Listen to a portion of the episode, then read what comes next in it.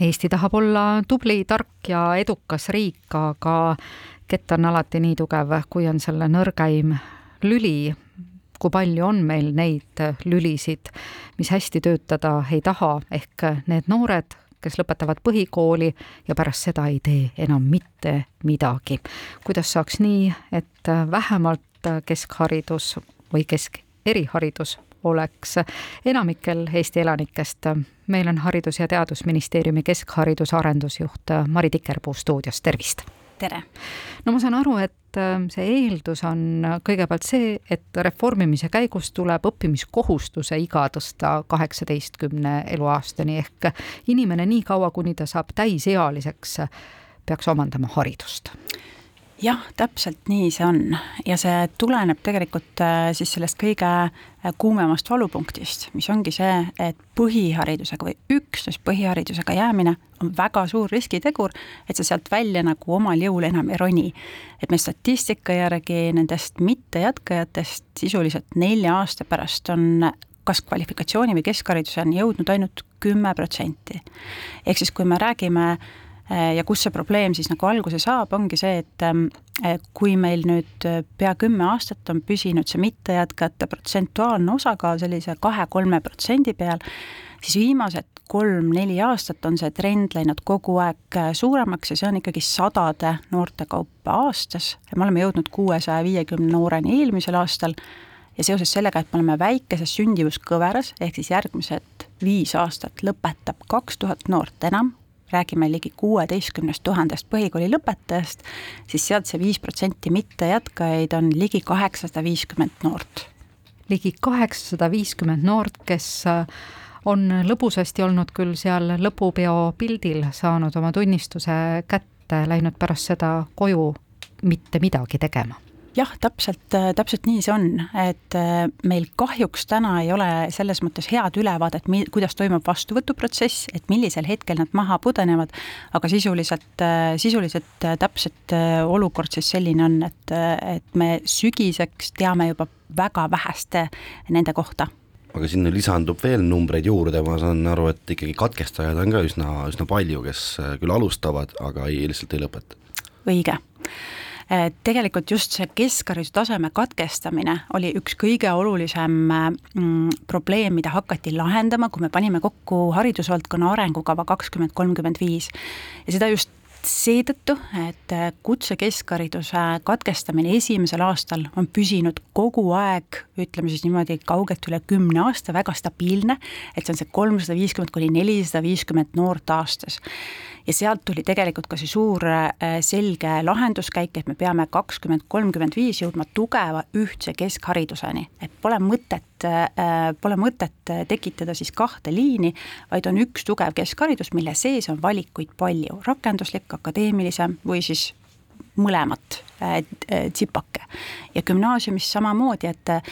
ja siin ma rääkisin praegu väljalangevusest, ehk siis need, kes aasta jooksul ei ole õppinud uut õpiteed leidnud, see osakaal on siis kolmsada viiskümmend kuni nelisada viiskümmend, gümnaasiumis äh, on siis haridusteelt äh, mm, väljalangejaid umbes sada, sada viiskümmend aastas. nii et tuleb tõesti mitusada juurde, äh, kui me nüüd räägime katkestamisest, mis tähendab seda, et jätad oma õppe pooleli võib-olla oktoobris või novembris, aga leiad oma selle järgneva õpitee ise aasta jooksul, siis need numbrid on väga palju suuremad, et katkestajaid on meil paari tuhande kanti, aga haridussüsteem on juba nii piisavalt paindlik, meil on väga mitu erinevat võimalust nii kutsekeskhariduse sees, kui siis ka gümnaasiumiõpe on statsionaarses, mittestatsionaarses õppevormis, kutsevaliku õpe on, et võtad endale eh, põhimõtteliselt selleks otsustuseks natuke aega, seda paindlikkust süsteemis juba on, aga mida ei ole, on siis tegelikult siis see edasiõppimise kohustus. No sotsiaalne küsimus on see, et äh, ilmselt suunatud pilk omavalitsustele, et kui see noor kusagile süsteemist välja kukub, et kus ta maandub, kus ta on, miks keegi teda üles ei leia, miks keegi ei lähe, ei koputa, ei küsi, mis sa teed siin kodus, miks sa tööle ei lähe, miks sa ei õpi? No täna, äh, täna täpselt äh, seisab see sellise mure taga, et meil äh, see koolikohustus, mille eest vastutab nii lapsevanem kui õppija ise, aga siis ka kohalik omavalitsus lõpuks, ähm, kestab kuni põhihariduse lõpuni või seitsmeteistkümneaastaseks saamiseni. kõik see, mida sa teed peale põhihariduse tunnistuse kättesaamist, ei ole enam mitte kellegi vastutada. ja sellele murekohale osutasid väga paljud organisatsioonid, kellega koos me arutasime nende eelnõu lahenduskäike ütlesid, et siin on nagu kõige tulisem valupunkt, ähm, et kuidagi peab seirama just seda, et, et need noored edasi liiguksid see ülesanne nüüd ka selle eelnõu kohaselt äh, endiselt jääb kohalikule omavalitsusele äh, ja tuleb siis jälgida seda, kes minu territooriumil on edasi õppima läinud, äh, selle jaoks on kindel kuupäev, see on ka täna kehtivas regulatsioonis nii, et esimest korda siis kümnendal septembril ja esimeseks novembriks tuleb kõik põhikooli lõpetajad erinevaid meetmeid rakendades siis siiski, kes ei ole ise õpiteed jätkanud, õppesse õpitee neile leida no mäletan aegu tagasi, sellest ei ole väga palju, mõned aastad tagasi, kui hakati rääkima sellest, et ega kõik inimesed ei peagi olema keskharidusega ja see, see võiks ikka olla sellistele helgematele peadele ja no see ülikool üleüldse, see on veel kõrgem tase, et väga paljud ei peagi sinna üleüldse minema, et meil on selliseid lihtsamaid inimesi ka tarvis, las nad õpivad kutseõppeasutuses äh, mingi ameti enesele selgeks ja las nad teevad seda siis eluaeg ja veel parem, kui nad suudaksid juba ma ei tea, kaheksandas klassis ära otsustada, et nad tahavad eluaeg puussepad näiteks olla ja, ja kogu lugu. ma saan aru, et me oleme teinud kardinaalse pöörde nüüd, et me enam absoluutselt nii ei arva jaa, aga selleks pöördeks on nüüd läinud meil ju ka aega, ehk siis on täiesti selge, et see keskkond meie ümber muutub, et just praegu tulen Haapsalust, kus Kutsekoja Äh, kutsekojast Tiia Randma rääkis äh, tuleviku megatrendidest äh, kogu har-, Haapsalu haridusrahvale. Ja mm,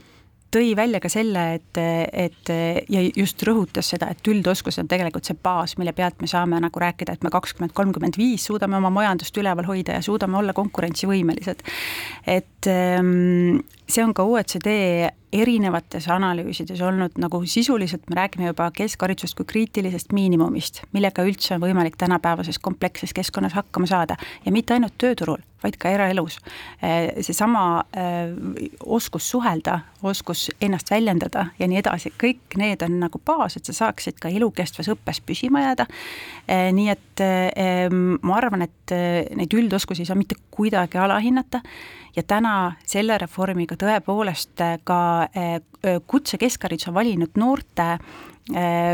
puhul me läheme seda teed, et nende õppekavad täienevad kõvasti võtmepädevuste ehk siis üldpädevuste võrra. et oleks konkurentsivõimeline alternatiiv gümnaasiumiharidusele, aga märksa praktilisem ehk siis rakenduslikuma suunaga kui ma õigesti aru saan, siis see plaan on see, et äh, siis kahe tuhande kahekümne viienda aasta põhikooli lõpetajad kõik siis jätkaks ikkagi äh, haridusteed. No mismoodi seda ikkagi korraldada nii, et, et see ka nii juhtuks, see on üsna keeruline ülesanne. Ja muidugi see on, aga ega meil teist valikut ei ole. Äh, kuidas me seda nüüd rakendustasandil toetada kavatseme? Ähm, see üks kõige suuremaid muutusi ongi ähm, vastuvõtuprotsessi viimine ühele platvormile, et kui me siin nüüd eelmiste aastate kevaditi on olnud ahastavad artiklid, et need keskhariduse õppimisvõimaluste kohta on info puudulik, äh, see on väga hektiline, see on erinevates keskkondades, kes võtab nagu paberil dokumente, kes teeb ühiseid sisseastumiskatseid, kes teeb veel mingisugust kolmandat varianti, et siis, siis nüüd üks asi, mis päriselt õppija, lapsevanema vaates muutub,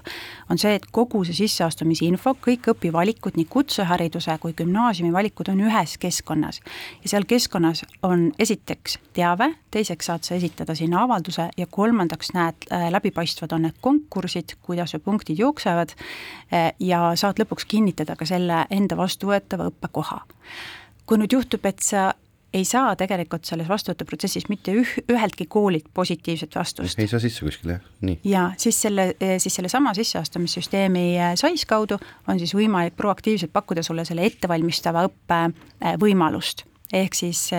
kõigil noortel, mitte ükski noor ei jää ilma õppimisvõimaluseta ja see ettevalmistav õpe on siis täpselt nii-öelda vaheaasta, aeg selle jaoks, et sa saaksid äh, sättida ja saada selgust, kas sinu tee on rohkem rakenduslik, rohkem akadeemiline, tahad sa minna mittestatsionaarsesse õppevormi, sest see sobitub paremini sinu eraeluga, ütleme siis nii, et, et mis see sinu vajadus on, kuni üks aasta. üldjuhul aga, aga väljundiks õppimiskohustuslike noorte puhul on ikkagi see, et sa oled kuskile sisse saanud, siis sa saad sealt ettevalmistavast õppest nagu välja liikuda no me tahaksime eeldada, et kui äh, see kohustus tuleb nüüd kuni kaheksateistkümnenda eluaastani, sa pead siiski õppima, et muutuks ka see, et see noor inimene kusagil vaikselt ei venitaks oma seda kohustuslikku õpiaega ära, need niinimetatud tiksujad, kes tiksuvad oma aja ära, neid ei huvita justkui mitte miski. kuidas teha see õppeprotsess huvitavaks, et, et seesama küsimus, et kui praegu need noored jäävad kõrvale miks nad jäävad kõrvale, miks neid ei huvita ei füüsika, ei matemaatika, ei eesti keel, ma ei tea, kunstiõpetusest rääkimata, miks mm? -hmm. no ma arvan, et eh, siin eh, võti on selles samas motivatsiooni, motivatsiooni motiva-, ütleme siis nii, motivatsiooniteoorias, et äh, mis on need ähm, aspektid, millega me seda huvi äratada saame. Ja üks ähm, olulisemaid asju, mida me näeme nagu uuringute põhjal ka, on see, et, et õppija motivatsioon kasvab hüppeliselt, kui õppimine on seotud praktilise eluga, ehk siis lõimitakse, iseäranis on need tulemused kaheksanda klassi rahulolu küsitlusest nähtavad, et niipea, kui, kui nad annavad selget tagasisidet, et minu õppimisprotsessis oli ta seotud reaalse elusituatsiooniga, siis, siis, siis see rahulolu on ka kõrgem ja motivatsioon on kõrgem. Ehm, teistpidi äh, näitavad meile ka selged numbrid, et kõik need noored, kes on äh, seotud huviharidusega, huvitegevusega, äh, nende motivatsioon õppes püsida on kõrgem, mis tähendab, et ka selles eelnõus me toome sisse ühe muudatuse, loome selgema raami, kuidas seda mitteformaalõpet siduda siis õppekava täitmisega. Ja julgustame igakülgselt kuna praegu üle Eesti on õppekava, kooli õppekavade uuendusprotsess, et, et igakülgselt neid erinevate haridusliikide, huvihariduse, huvitegevuse kutsehariduse võimalusi enda õppesse siduma sealt kasvavad välja ka needsamad personaalsed õpiteed, kui on näha, et see toimub, toimub tiksumine, õpe peab olema palju Äh, oskuspõhisem, siis võikski sellesama indiviidi puhul pigem äh, lähtuda sellest, et äkki ma saangi teha koostööd tema individuaalse õppekava läbiviimisel kutsekooliga, pakkuda talle erinevate erialade äh, tutvustamist läbi selle haridus- ja Teadusministeeriumi keskhariduse arendusjuht Mari Tikerpuu, aitäh täna tulemast! aitäh!